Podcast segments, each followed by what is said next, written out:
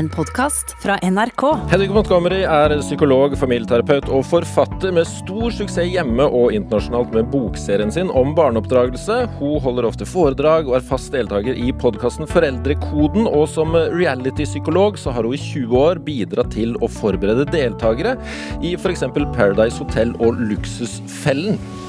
Drivkraft med Ruben Gran i NRK P2. Hedvig Montgomery, hjertelig velkommen. Tusen takk. Hvordan, eh, hvordan har du det? Jo, bra. Fint å være her. Mhm. Hva hva har du gjort i dag? Nei, jeg har eh, satt i gang én på hjemmeskole, fått én av gårde til skole, og eh, så har jeg hatt en liten terapitime. Det er jo en forholdsvis aktiv morgen, det. Det er ikke lunsj engang. Trives du med å ha mye å gjøre? Altså, jeg må si at Hadde jeg ikke trivdes med å ha mye å gjøre, så hadde jeg vært ganske ulykkelig nå. Eh, og mannen min mener nok at det hadde vært bra om jeg hadde gått ned fra fire til tre jobber. Uh, men det er et eller annet med det der å kjenne at noen ting skjer, det å få produsert noen ting. Det er veldig lite jeg planlegger, det er veldig mye som rett og slett kommer fordi det sitter litt i hendene. Så det er når du ikke har noe å gjøre at du, du ikke har det bra? Det har jeg faktisk ikke prøvd.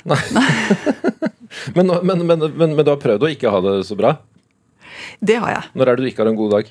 Uh, du tenker på sånn som nå? Nei, altså det er jo når dårlig samvittighet kommer og tar meg. Uh, når det er for mange baller og for lite plass i kalenderen. Da, da kan jeg kjenne at det er vanskelig. Når det er for mange e-poster jeg ikke har fått svart på. Helt sånne vanlige ting som jeg tror mange kan kjenne igjen. Ja. Er man det her, eh, Jeg skjønner at det her er banalt, men er man som psykolog i stand til å være psykolog for seg sjøl? Hjelper det, liksom? Altså Du kan jo si at uh, du kommer jo litt for nært. Altså Noe av det som gjør at terapi er så virkningsfullt, er jo nettopp at du får inn en liten avstand. Den lille avstanden bør du jo egentlig ikke ha til deg selv hele tiden. Eh, I så tilfelle så eh, tror jeg ikke du lever et spesielt helt liv. Så det er klart at ja, ja, det hjelper at jeg har reflektert rundt så mange ting, og at jeg så ofte er innom tanker eh, om de store spørsmålene. Eh, tror jeg det er, det er fint. Eh, men noe erstatning for terapi? Nei, ikke egentlig. Nei. Det har jo vært eh, unntakstilstand lenge nå. Hvordan har du det med det? Altså, på mange måter kan du si at jeg hører jo til de heldige. Eh, fordi med unntak av noen uker i starten hvor det ikke var lov å treffe ansikt-til-ansikt-klienter, eh, og vi gjorde det digitalt, som eh, var en grei erstatningsøvelse, rett og slett. Men det var det. Men i løpet av det siste året så har vi truffet klienter hos oss hver eneste dag. Så jeg går jo på jobb og gjør det jeg pleier. Jeg syns det var ganske dramatisk da nedstengingen kom. Alt ble avlyst. Det bare rant inn avbestillinger for allting. Eh, Det ble så stille. Det virket jo som det hadde falt en bombe i Oslo. Eh, Du smøg deg ute i gatene. Eh, Det, var veldig dramatisk da det kom. Men så har det jo blitt en hverdag for dette, her, og i hvert fall for meg som har såpass mye hverdag. Men det er klart, hjemme har jeg barn som har sittet på hjemmeskole. Kanskje han som går på ungdomsskolen har vært på skolen ti dager fysisk i løpet av et halvt år. Det har vært mye å følge opp, eh, mye også å se at det er ikke så lett for ungdommen, og det slår veldig inn i arbeidet mitt igjen. At jeg treffer de ungdommene som sliter litt, som henger litt etter fingertuppene. For dem har det blitt mye, mye vanskeligere. Så pandemien har nok påvirket kanskje livet mitt mindre enn det har påvirket meg, hvis du skjønner. Hverdagen har, har gått mye som før, men jeg kjenner på det mye. Ja, Du nevner ungdommen. Hvem, hvem har du vært mest bekymra for? Nei, altså, jeg må bare si at det er klart at alle som eh, det er, det er så mange som har blitt rammet av denne pandemien.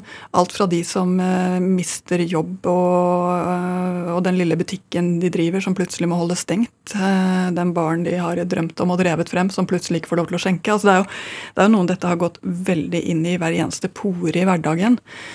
Eh, og alle de som trenger å gå og høre en konsert, trenger å gå og ta eh, en kopp kaffe på en kafé og se folk rundt seg for å kjenne en tilhørighet og, og en hverdag. Bekymret for dem. Men som gruppe er jeg nok mest bekymret for den aldersgruppen som jobber med å finne seg selv ute i samfunnet, altså aldersgruppen 10 til 25. Eh, hvor det å lete utenfor familien etter hvem er jeg, hva skal jeg drive med, de som skal begynne på universitet, begynne på videregående, de som er i den der møte noen-fasen.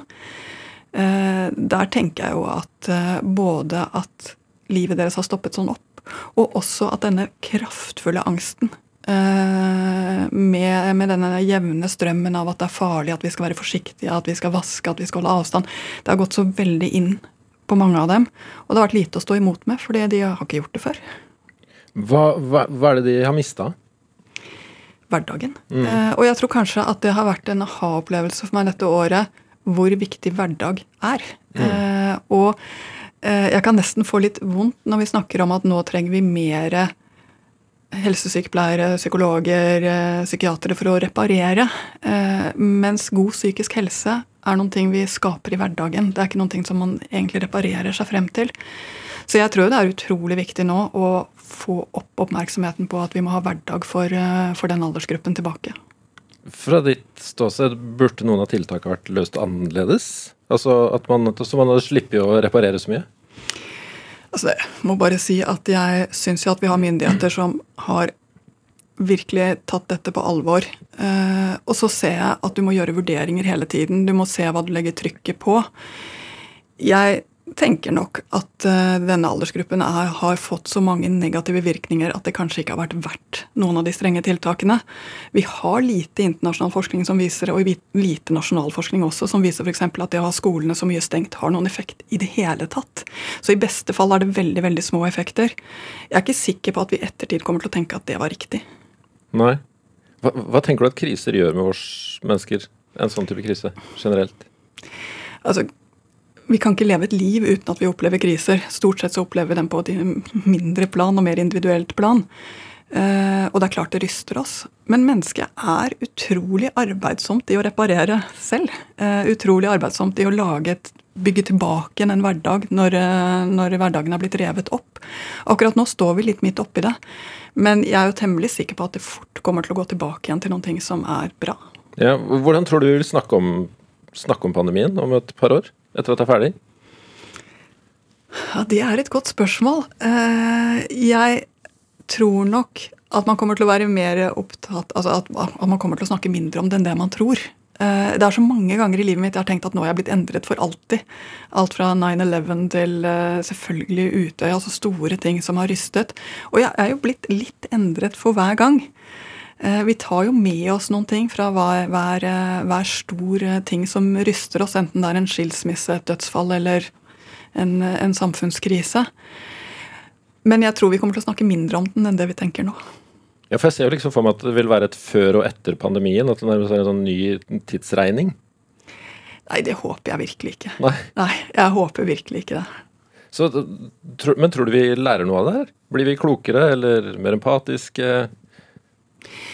Nei, altså jeg må si at det jeg er bekymret for, er jo at frykten har fått en så veldig stor del av samfunnet vårt nå. At vi er så, altså, så drevet av at vi skal være redd for andre mennesker. Eh, og at vi tenker at, eh, at, smittevern handler om bare frykt. Eh, det handler veldig mye om kunnskap.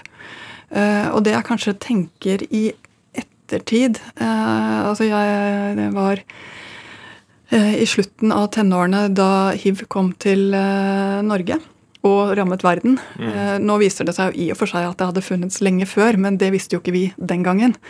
Oppmerksomheten rundt hiv kom, og frykten for hiv kom. Og jeg jobbet som pleieassistent den gangen på Lovisenberg sykehus. Veldig fin og lærerik jobb. Men vi behandlet jo alle som så litt annerledes ut. Enten det så ut som de kunne være seksuelt ligge med samkjønnede, eller om de var, kunne se ut som de brukte noen rusmidler. Så ble de behandlet med tungt smittevernutstyr og, og, med stor frykt. Og jeg må si at jeg er glad for at jeg så hvor skadelig det var. Uh, fordi det å behandle folk med frykt er å skape en avstand og skape en ensomhet hos den du møter, som gjør skade. Jeg er redd for at vi gjør litt av det samme nå. Selv nå når vi vet mer om hvordan viruset smitter, selv om vi nå vet mer om hvordan vi skal beskytte oss, så legger vi fryktterskelen så høyt eh, at vi møter hverandre ikke med øye-til-øye-kontakt, men med å se bort.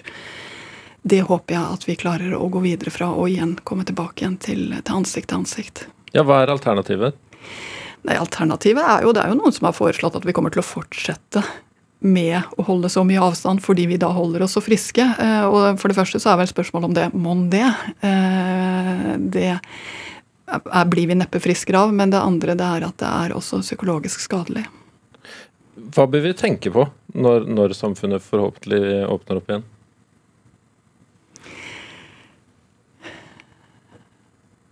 Ja, Det må jeg bare si hva vi trenger å tenke på. Jeg tror vi trenger å gjøre. Eh, for noen kommer det til å være utrolig lett. De er klare for å løpe ut og, og starte festen.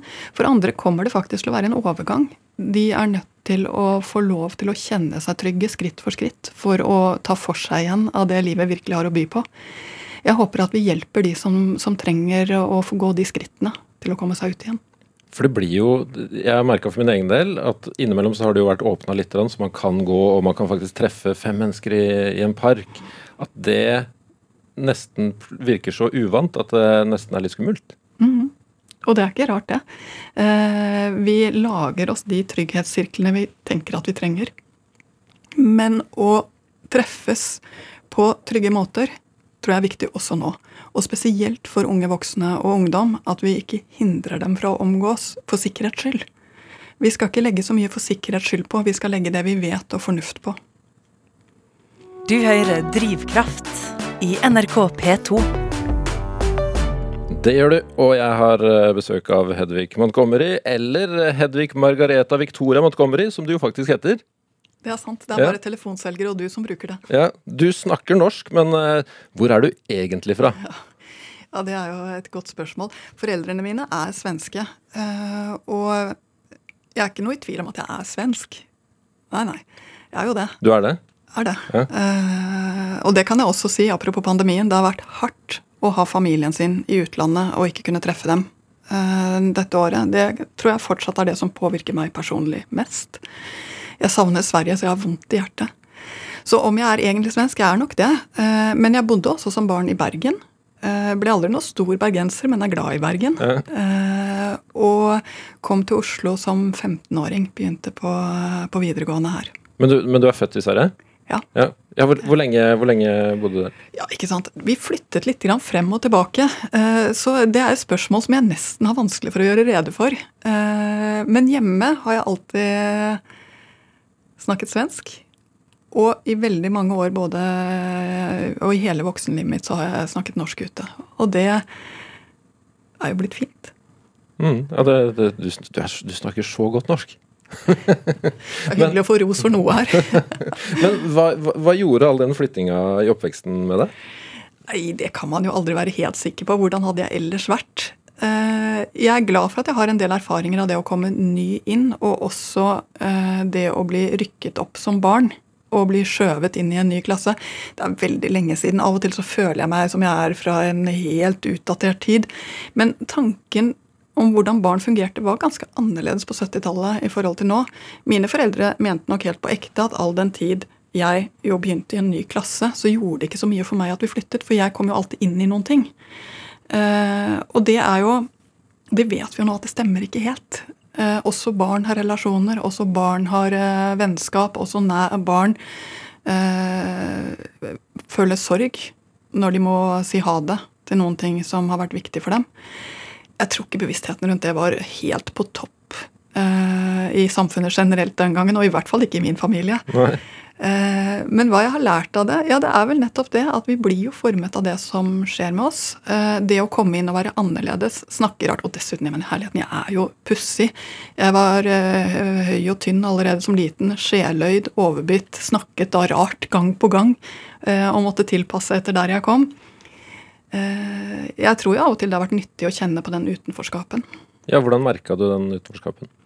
Nei, det, altså, Du trenger jo ikke å være veldig empatisk til å skjønne at tiåringer som kommer og ser ut annerledes ut og høres annerledes ut, det er ikke det første du tar med i gjengen.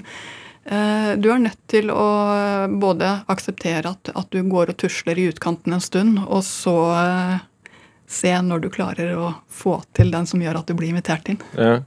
Ja. Er det mobbing? Opplevde du mobbing? Ja da. jo, jo. Og det må jeg bare si, som så mange andre. Eh, og ikke at det er en ufarlig ting. Tvert imot. Eh, jeg så det også på, på, mine søsken hvor ekstremt skadelig det er. Eh, så jeg har virkelig sett alvoret i hvitøyet med hvor farlig det er for barn å ikke høre til. Eh, og mobbing handler om det. Det handler om å ikke høre til. For min egen del så må jeg si at jeg var nok kanskje både litt sånn Ja, men kanskje vi flytter snart igjen. Rolig på det. Eh, så jeg tok kanskje ikke innover meg helt krisen. Eh, og kanskje har jeg aldri vært noen krisemaksimerer. Og for det andre, den gangen det var som aller som verst, hvor det virkelig tenker jeg kunne ha gått galt med meg også, så hadde jeg en helt fantastisk lærer. Jeg traff akkurat den læreren som så meg, smilte til meg, lot meg sitte igjen litt ekstra og lese i en bok eh, som vi kunne snakke litt om, sånn at jeg slapp å, å ha den der turen hjem eh, med som føltes utrygg. Så på et eller annet vis klarte den læreren å, å gjøre noe som jeg aldri kommer til å glemme. Og jeg skjønte det. Hva tror du den læreren så, eller hvordan makta den læreren å se, se deg i den uh, horden? Det er jo et godt spørsmål, uh, men det var en godt voksen mann. Uh, jeg tror han var en virkelig erfaren lærer. Jeg tror han visste hva han skulle se etter. Man snakker jo om mobbefrie skoler. Det er jo et begrep. er det mulig? Altså, at vi skal at vi i dag håndterer mobbing på en annen måte enn på 70- og 80-tallet, er jeg virkelig glad for. At vi tar barn som ikke trives på skolen, ikke føler at de hører til, på største alvor. Det skal vi gjøre. At det går an å lage et mobbefritt samfunn eller en mobbefri skole, det tror jeg aldri kommer til å skje. Men vi må hele tiden ha pågående arbeid med å fange opp, fange inn Finne nye aktiviteter som gjør at det funker litt bedre. Gjøre de tingene som gjør at disse barna kommer seg gjennom det og kommer til et bedre sted. Det samme i voksenlivet, egentlig. Eh, vi mennesker kommer nok alltid til å gjøre hverandre vondt når vi kommer for tett innpå eller i faser av livet. Og barn er også i en fase av livet, spesielt i sånn 9-10-11-årsalderen, hvor, hvor, de ikke helt skjønner hvor kraftfulle de er mot hverandre, og hvor vondt de kan gjøre hverandre. Det trengs voksenveiledning. Så mobbefritt, nei, det tror jeg jo ikke på. Men at vi kan gjøre utrolig mye godt ved å jobbe systematisk og oppmerksomt mot det. Absolutt. Hvordan var det som ungdom? Ble, ble du mer inkludert da?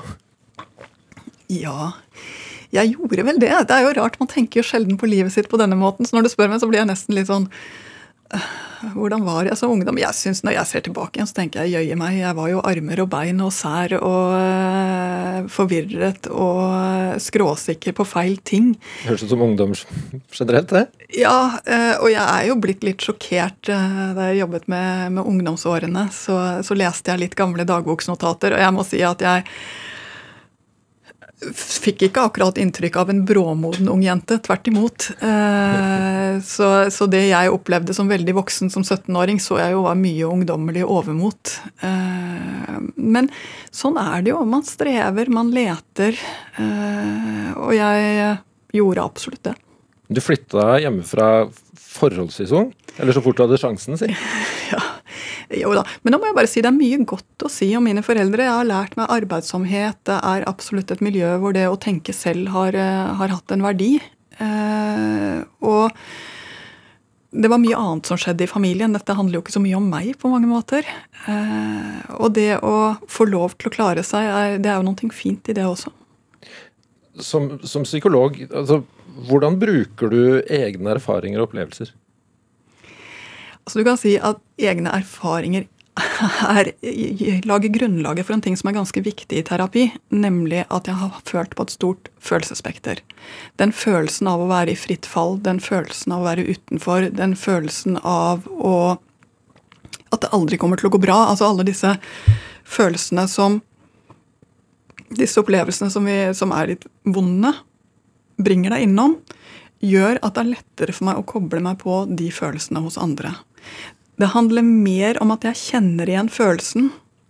Og den jeg snakker med, merker jo det. Merker jo at det er noen som vet litt om hvordan det er å ha det sånn. Det bruker jeg jo hele tiden. Altså, mm. absolutt hele tiden.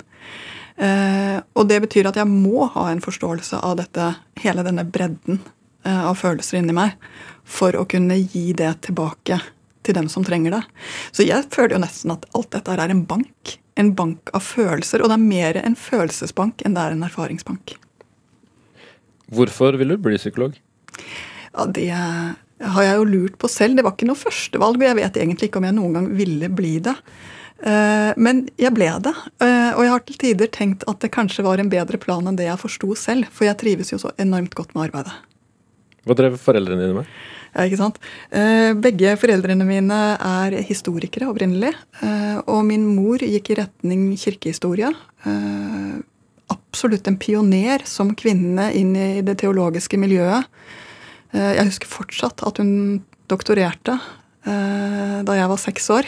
Som første kvinne i Norge, stemmer det? Ja, første kvinne i Europa, I, Europa. Faktisk, i teologi. Så hun, er, hun, var en imponerende kraft av en foregangskvinne, og er.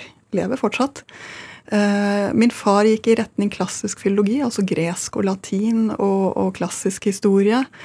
Eh, som er et fantastisk tilfang av levd liv, rett og slett.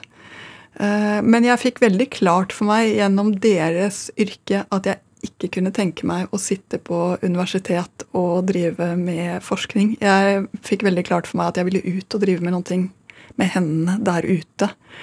Så, så, kanskje var det det som også et, eh, gjorde at psykologi til et godt spor. Ja, kjente du på noen forventninger fra, fra foreldrene dine? Nei.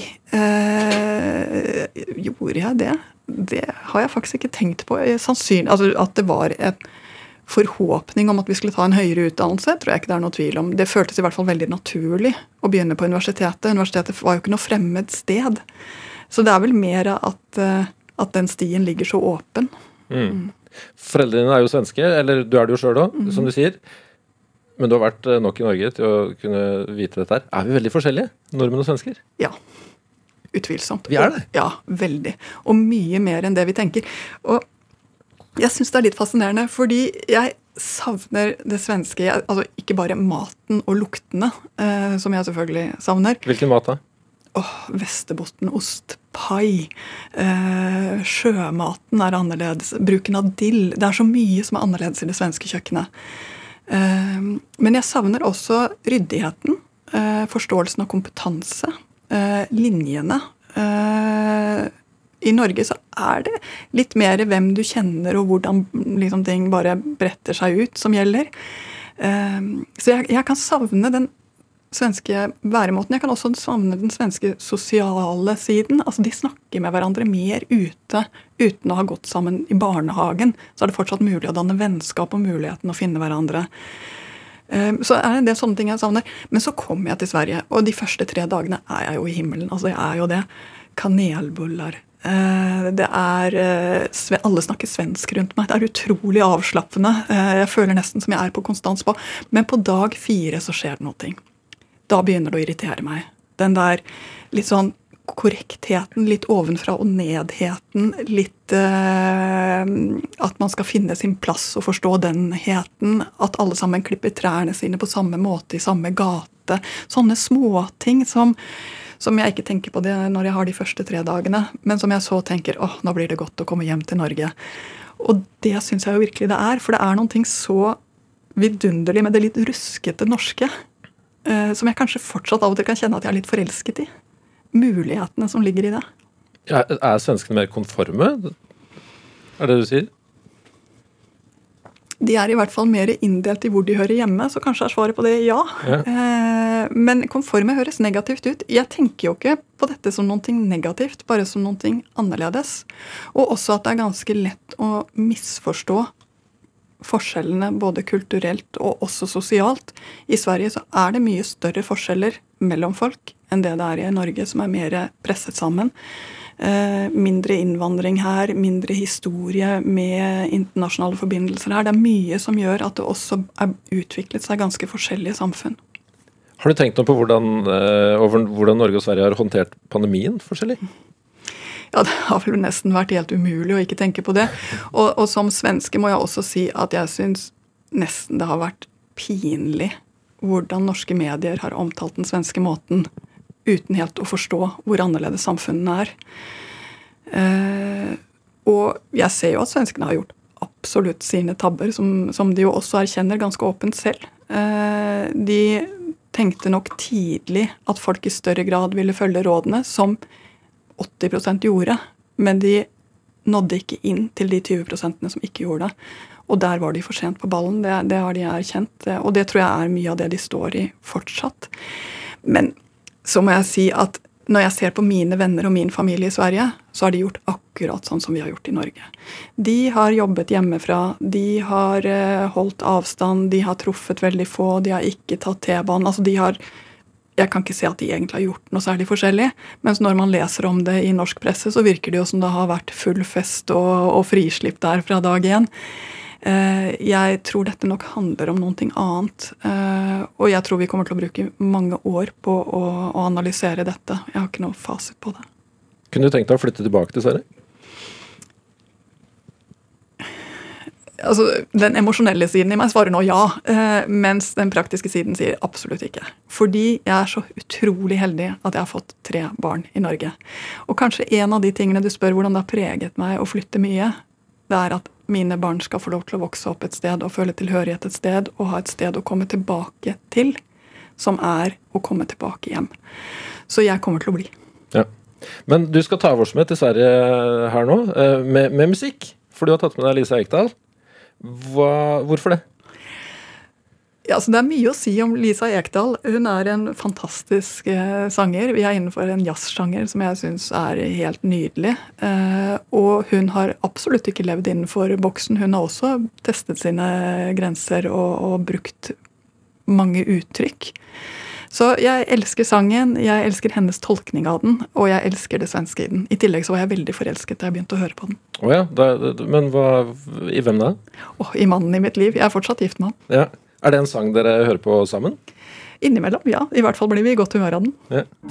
Og sangen, den heter eh, When Did You Leave Heaven? En eh, gammel, gammel slager i Lisa Ekdals trakt, eh, drakt sammen med Peter Nordahl Trio. Og du hører det i Drivkraft på P2.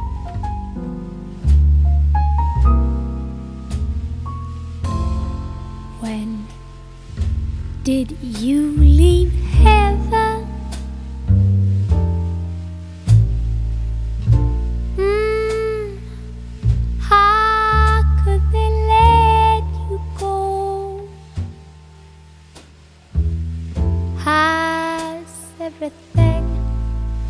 in heaven?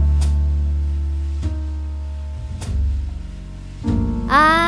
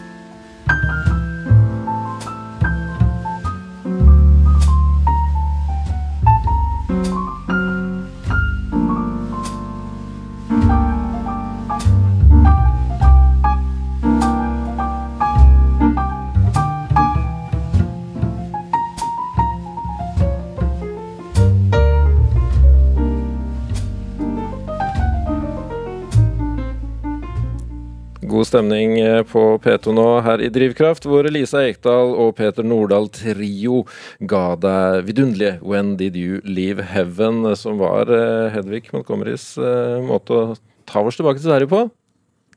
Det er fint. Det er fint. Ja. Hva, hva, hva føler du når du hører den sangen der? Jeg føler, jeg føler at nå må det snart bli mulig å reise til Stockholm igjen. Ja. Ja, Det brister nesten. Er det der du har eh, mest familie i Sverige? Ja. Mm. Og Hedvig Montgomery, dersom du nettopp har slått, eh, slått på, er jo familieterapeut, psykolog og barneoppdragelsesforfatter. Eh, Jeg har funnet i dag at det er en tittel. Men hva er egentlig barneoppdragelse? Nei, det er et godt spørsmål. Jeg tenker at barneoppdragelse er alt det som til enhver tid skjer i en familie eller i et barns omgivelser. Så barneoppdragelsen det er summen av alt det dere driver med hjemme, og det barnet opplever på skolen og i barnehagen og på treningen og alle steder det befinner seg. Eh, og jeg sier det sånn fordi jeg tror av og til et av de stedene vi har gått feil når vi snakker om barneoppdragelse, det er at vi snakker om hva vi skal gjøre for noe når barna slår seg vrang. Vi snakker om de øyeblikkene når du står der med en hylende treåring i butikken. Vi snakker om de øyeblikkene når åtteåringen bare ikke vil gå på skolen, eller elleveåringen nekter å gjøre lekser, eller 15-åringen ikke kommer inn i tide. Vi snakker om barneoppdragelse som det er løsrevne punkter av gone wrong. Men det er ikke barneoppdragelse. Det er bare øyeblikk i et liv. Barneoppdragelsen er helheten. Og det er også noe av det som gjør at du som forelder faktisk har mye større muligheter enn det du kanskje tenker. Fordi du påvirker barnet ikke bare hvordan du håndterer disse øyeblikkene, men som helheten. Så kan du absolutt gjøre noen store feil på disse kritiske punktene. Men det er ikke det som er barneoppdragelsen. Barneoppdragelsen er det barnet kommer ut med i andre enden. Summen. Så det er ikke først og fremst regler og problemløsning? Nei. Det er så mye mer. Det er en kultur. Det er en eh, sammenfølelse. eh, og det er en livsinnstilling. Hvordan gjør vi dette hos oss? Blir barneoppdragelsen bedre og bedre med tida? Ja, altså Her eh, kan man jo være veldig i tvil. Jeg tror enhver generasjon står og har litt sitt dilemma eh, i forhold til barneoppdragelse.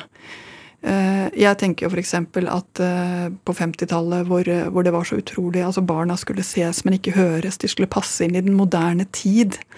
Foreldrene var opptatt med å, å bygge det nye livet.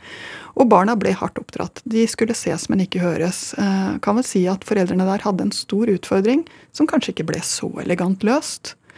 20 år senere så, så hadde vi foreldre som sto midt mellom kvinnefrigjøring og, og den samme 50-tallsoppdragelsen.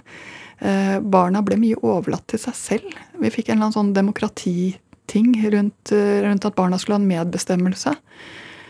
Eh, så jeg vet ikke hvor godt løst det ble, men man prøvde nå i hvert fall.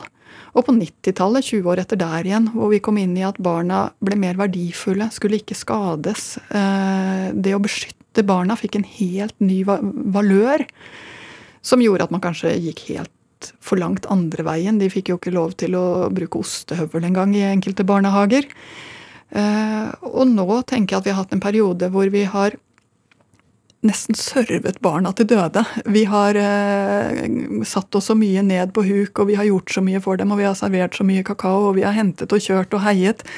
eh, At barna føler seg nesten helt unyttige. De lurer på hva de er her i verden for. Eh, Så kanskje har ikke vi løst det så godt heller. Jeg tenker rett og slett at hver generasjon har litt sin utfordring. Eh, Og vi, vi må prøve å løse det sammen. Eh, Og jeg tenker også den altså Nå har du jo en seksåring selv.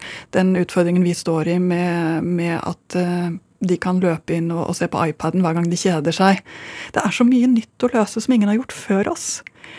Men jeg tror jevnt over at foreldre i dag virkelig legger ned mye ressurser, mye god vilje, og også har mye nærhet med barna sine, som er fantastisk.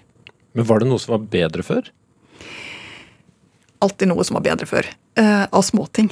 Uh, jeg tror f.eks. det at barna hadde mer frihet til å finne sine huler og sine hemmelige rom. Altså det at de fikk lov til å være litt mer i fred. At ikke dagen var så fylt. Hadde nok absolutt fordeler. Men jeg er ikke en som romantiserer hvordan det var før. Eh, Jeg vil ikke tilbake igjen til det som var før. Jeg tror det vi har nå på ekte er bedre. Eh, Og jeg tror en av de tingene som gjør at det er bedre, er også at vi har mer forståelse av barns utvikling. De er ikke små voksne. Vi trenger å se hvor de er henne, og hva de trenger nå. Ikke behandle dem som de er feil. Det slår meg, den hula nå, det er vel iPaden, det? Det er iPaden. Og det er jo også grunnen til at vi får så mye kamp om dette her i hjemmet. Fordi når de sitter der og koser seg med sin, sitt univers, som du attpåtil ikke skjønner som forelder, og du bare vil røske dem ut av det, uten respekt for hvor mye det betyr for dem, så er det dømt til å bli konflikt. Ja, er det, er det viktig å, å, å la de få sitte, sitte med skjermen sin? Ja, nå skulle vi spurt eh, Bjørn Gabrielsen. Eh, altså, veldig mye av barnas liv er faktisk på nettet. Eh, og i denne pandemitiden, apropos, jeg er glad for at jeg har opplevd en pandemi med Xbox og ikke uten. Det kan jeg helt ærlig si. Eh, men alt er balanse. For mye bruk av skjerm hvor du får den knekken i nakken fordi du ser ned hele tiden, det er klart at det ikke er sunt. Det er klart du trenger noe annet. Du trenger å lære deg ting, du trenger å spille et instrument kanskje, du trenger ut og leke på løkka, du trenger å sparke ball, du trenger å klatre. Du, altså, barn trenger fortsatt alle de andre tingene. Og kanskje er det det som har blitt litt feil når vi snakker om skjerm. Vi har snakket om det ikke som en del av barnas liv, vi har snakket om det som et fremmedelement eh, som man enten er for eller mot. Jeg er verken for eller mot skjerm, jeg bare noterer at det er en del av det som er en del av livet nå for både voksne og barn. Så må vi finne en måte å leve med den skjermen på som gjør at det blir bra. Hva strever foreldre med i dag? Åh, ganske mye. Ja. Eh, og det tror jeg alltid kommer til å være sånn. Eh, det å være menneske, det å være nær, vil alltid ha et eller annet element av strev. Det kommer aldri til å gå bort. Eh, men jeg tror faktisk det er en av de tingene de strever med, nemlig ideen om at det skulle vært perfekt. Det tror jeg lager en voldsom fallhøyde. For nei, det blir ikke perfekt. Det kan bli bedre, men ikke perfekt. Det andre de strever med, er selvfølgelig dette med, med skjermtid, som vi var inne på. Eh, De strever med hvis jeg skal møte barnas følelser, som de har hørt at de skal av sånne psykologer som meg, hvordan skal jeg da sette grenser og si men vet du hva, nå bare må vi gå? Eh, Å finne en måte å lede på uten å bli for hard og uten å skade. Klart det er vanskelig. Men det er vanskelig å være en god sjef også. Ja, er det, er det det man er som forelder? Jeg tenker at du er så mye som forelder. Eh, Du er den nærmeste. Du er den som blir sett opp til. Du er den som lager trygghet. Du er den som sørger for at det finnes mat, og at det blir søvn og rutiner og, og helhet i dagen. Eh, Og ja, du har en lederfunksjon oppi dette også. Når gjør foreldre de største feila? Foreldrene gjør faktisk den største feilen når de føler seg små. Det vil si når de føler at, de, at barnet har, eh, gjør noe mot dem, eller at de har mislykkes. Fordi når man som forelder føler seg liten, da undervurderer man kraften sin. Da undervurderer man hvor skadelig det sinnet faktisk kan være, og hvor kraftfullt du faktisk holder i den overarmen når du rister. Så hver gang du kjenner at du som forelder er eh, Nå er jeg den lille her. Eh, Nå må jeg sette ham eller henne på plass, for nå er hun blitt for stor. Da er du sannsynligvis på villspor, for det er alltid du som er stor. Faktisk ganske mange ganger større. Så jeg er litt på bærtur når jeg gruer meg og nesten er litt redd for å skulle avslutte noe seksåringen min syns er veldig ålreit å holde på med. Du trenger å finne en måte å gjøre det på som gjør at du ikke er engstelig for å gjøre det, for det er det du skal. Jeg som er sjefen. Hjelper det å si det? Jeg vet ikke. Eh, Det er jo noen som mener det. Eh, Men det hjelper i hvert fall å tenke at vet du hva, dette kommer jeg til å få til. Dette kommer til å gå. For det gjør det. Du har jo skrevet fem bøker om barneoppdragelse. Hva er, hva, hva, hva er målet ditt med dem? Jeg må si at det Jeg tenkte lenge på å skrive de bøkene. Og Når jeg ser hvor lenge jeg har sittet og notert i forkant for dem, så ser jeg at jeg har hatt mye på hjertet. Målet mitt har vært at foreldre ikke skal føle seg så alene. Fordi det å oppdra barn i dag er ganske ensomt. Eh, Vi er redde for å vise frem for mye svakhet for andre. Eh, Vi har ikke storfamilien rundt oss, de fleste av oss. Så jeg hadde lyst til å være den vennen eller den kloke slektingen som du kunne ta i hånden når du kjente at nå vet jeg faktisk ikke hva jeg skal gjøre for noe. Og som gjorde at det kjentes litt mindre ensomt å stå i den situasjonen. Så det var det jeg ønsket meg, og jeg ønsket å skrive noe som var så enkelt at du kan lese det uten å ha tatt pedagogikk eller noen annen utdannelse. Jeg ønsket å skrive noe i et språk som er forståelig for alle. Eh, og jeg ønsket spesielt å skrive noen ting til alle dem som uh, ble fortalt at uh, nei, det er ikke sånn vi gjør det i Norge. Det er ikke sånn norsk barneoppdragelse er. Og de står og spør men hvordan er norsk barneoppdragelse? Og så får de veldig vanskelige svar som de ikke klarer å bruke til noen ting. Så så enkelt ville jeg skrive. Så ambisiøs var jeg på hvem jeg skulle nå. Og så har jeg nådd mange flere enn det jeg en gang turte å drømme om. Ja, du har det? Føler det. Ja. Men du, det slo meg, jeg satt og leste litt gjennom bøkene dine i går, og så står det på forsida 'Syv enkle steg for å lykkes med oppdragelsen i fantasiens tid'. Er, er det så enkelt? Lese syv uh, gode råd i boka di? Selvsagt ikke. Uh, men uh, forlagene må jo få lov til å lage noe på forsiden det var som, du som, skrev det? som ser bra ut. men når det er sagt, jeg håper jo virkelig at det får deg til å bli litt mer trygg i det du gjør som pappa. Jeg håper at det gjør deg litt mer oppmerksom på de veldig få, men ganske store fellene som finnes. Og jeg håper at du eh, da får bare bitte grann mer av de stundene som du nikker til å legge merke til og tenker ja, men vet du hva, sånn er vi som familie, sånn er han og jeg som uh, pappa og sønn. Uh, og det er fint. Og har du gjort det, og da har du egentlig lykkes ganske bra. Det har slått meg at det er noen ting som er, kan være litt sånn sårt og problematisk å snakke med venner om, for den saks skyld. Altså, om det så er religion og politikk kan være det, økonomi, men også barneoppdragelse, har jeg lagt merke til. Hvorfor, hvorfor er det litt sånn vanskelig? Altså, for det første er det så personlig. Du er jo virkelig inne i privatsfæren. Du er inne på, på der du er deg som aller mest deg. Eh, så det er klart, det, det er nakent. Jeg skjønner godt det. Det andre det er at hvis man nå tør å ta opp et lite problem Typ hos oss er lekser litt vanskelig. Eh, det, sitter, blir ofte, det, blir ofte, en kamp hvor vi blir sittende for lenge. Hvis det er en forelder som tør å si det, så er det nesten garantert at en annen som ikke har problemet, sier og det er kjempelett hos oss, det er bare å. Og så kommer det et eller annet som får deg til å føle deg skikkelig dum. Ja, det er så sykt irriterende. ja. Eh, og det samme med søvn og det samme med alle disse tingene. Altså, For andre blir nesten for fort opptatt av å vise frem hvor vellykkede de er, og så føler du deg selv så utrolig mislykka. Det er ikke særlig til hjelp, rett og slett. Nei. Hva, hva syns du har vært vanskelig som forelder sjøl? Og det har vært så mange punkter. Eh, og hvert barn er sitt eget. Jeg syns jo også det er ganske interessant. Av mine tre eh, så har alle hatt, og har alle, sine punkter som gjør at jeg som mamma virkelig må strekke meg, må vri meg, må prøve en gang til. Du kan ikke oppdra et barn i 20 år uten at du kommer borti noe som er skikkelig vanskelig. Det er bare sånn det er.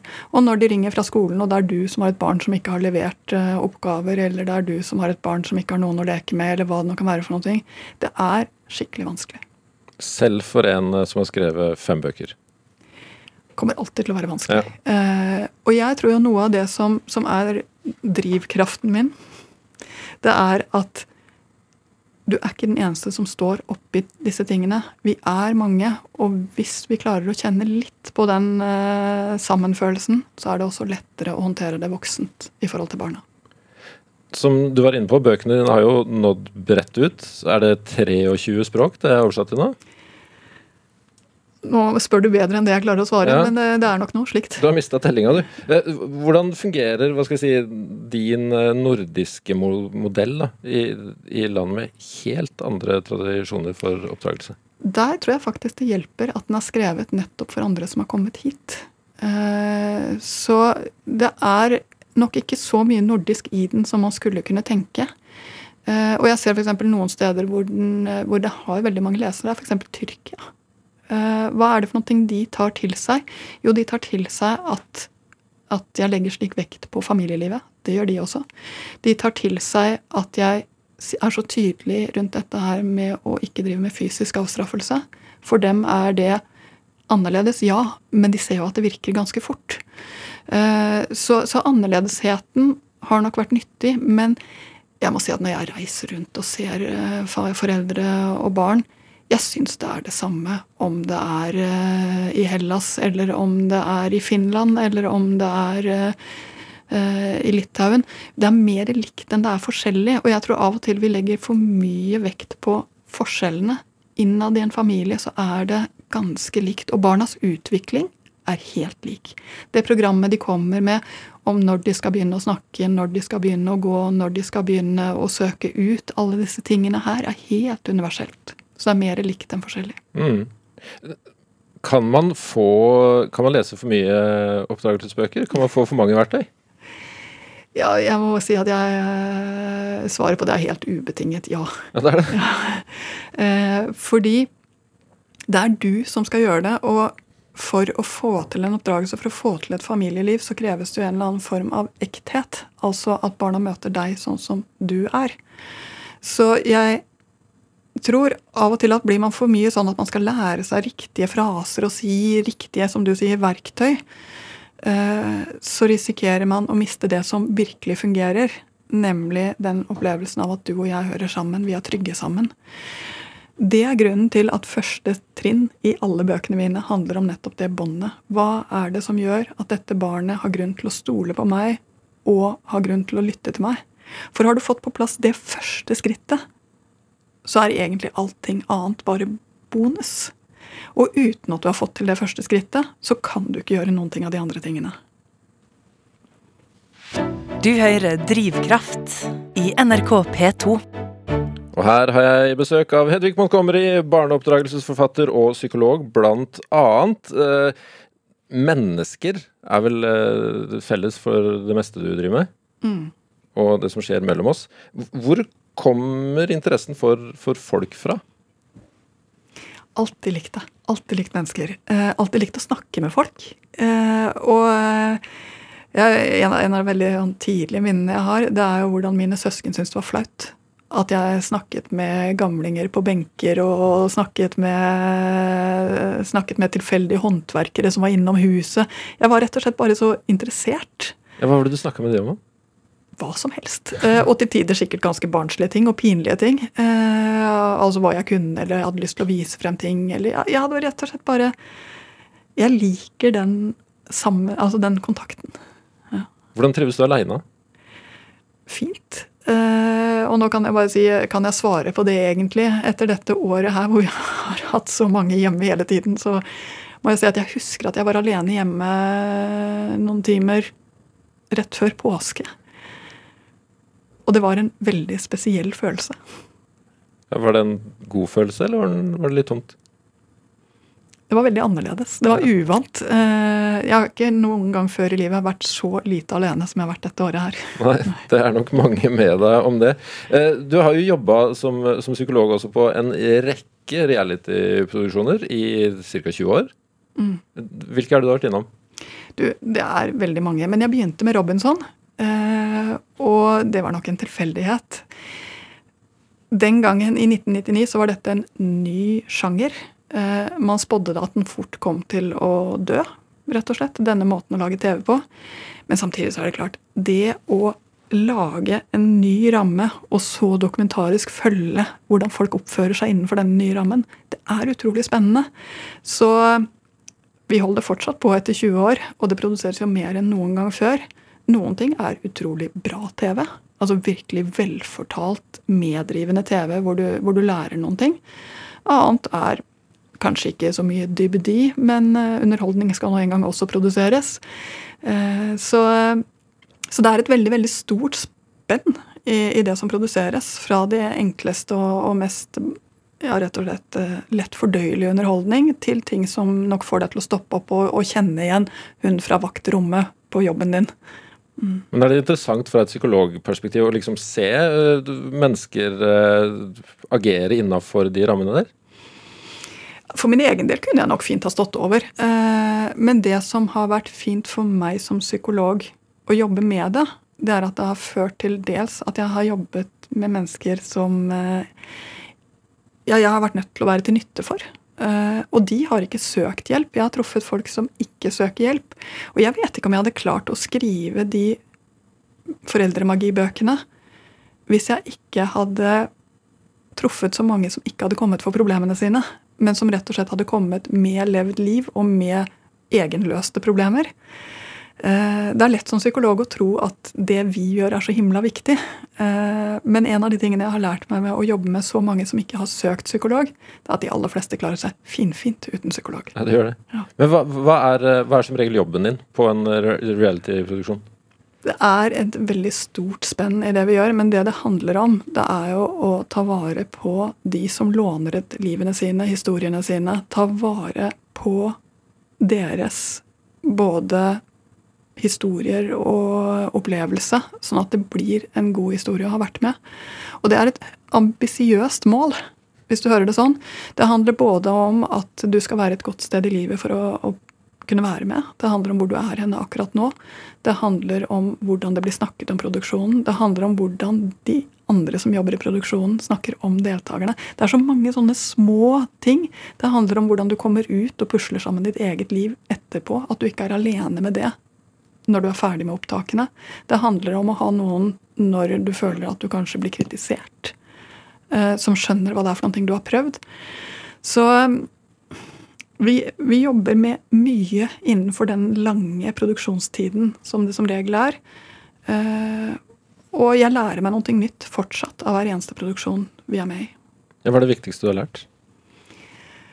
Jeg har lært meg å ha veldig respekt for folks drømmer. Og at det å ville skinne er en veldig fin egenskap.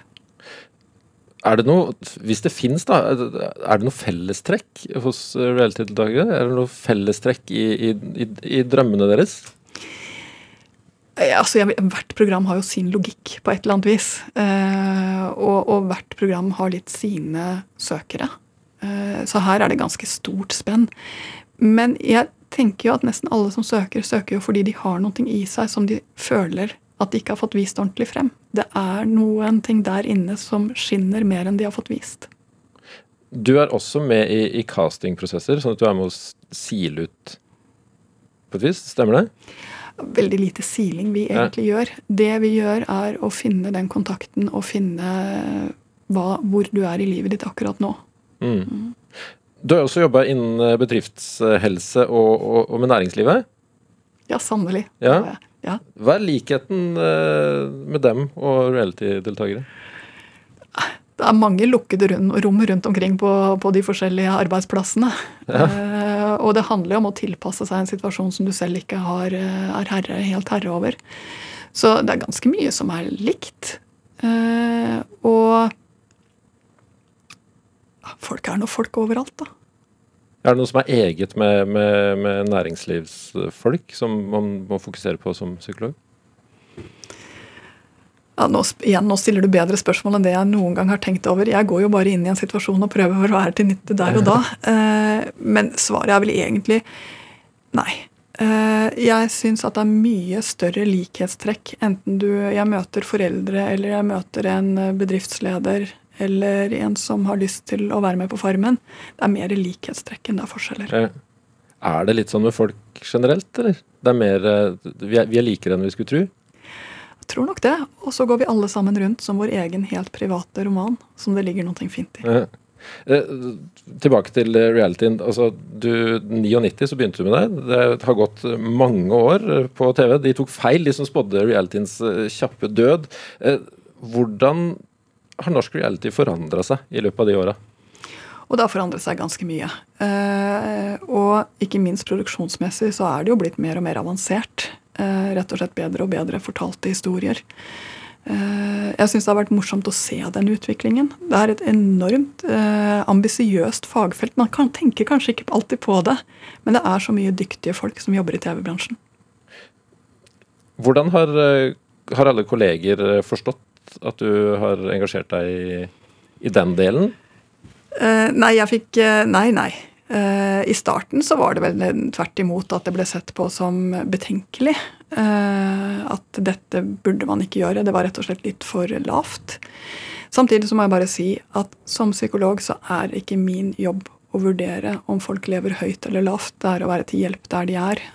Og hvis dette er det du har lyst til, så, det, så har jeg respekt for det. Om du vil hoppe i fallskjerm, så driver ikke jeg og fordømmer deg for at du hoppet i fallskjerm. Eller hvis du ruser deg, så sier jeg at når du har gjort det, så fortjener du ikke hjelp. Jeg tenker at min jobb er å ikke tenke så mye på det. Min jobb er å være til nytte der hvor folk finnes. Hva er, eh, hva er din drivkraft? Jeg vet i hvert fall at min energi er møtene. Og kanskje er det vel da også det som blir drivkraften. Mm. Hedvig Montgomery, tusen takk for eh, besøket. I like måte. Så kan vi ta en prat eh, om alle de råda etterpå, fordi eh, du kan høre flere Drivkraft-samtaler i NRK Radio eller der du finner dine podkaster. Og gi oss gjerne tilbakemeldinger og tips. Det kan du gjøre til drivkraft, krøllalfa, nrk.no. Og så kan du se alle de fine gjestene våre på Instagram i NRK Drivkraft. Produsent og stødig støtte i dag har vært Siv Wammer. Jeg har vært Rumi Gran. Ha det godt. Vi hørs. Du har hørt en podkast fra NRK. Hør flere podkaster og din NRK-kanal i appen NRK Radio.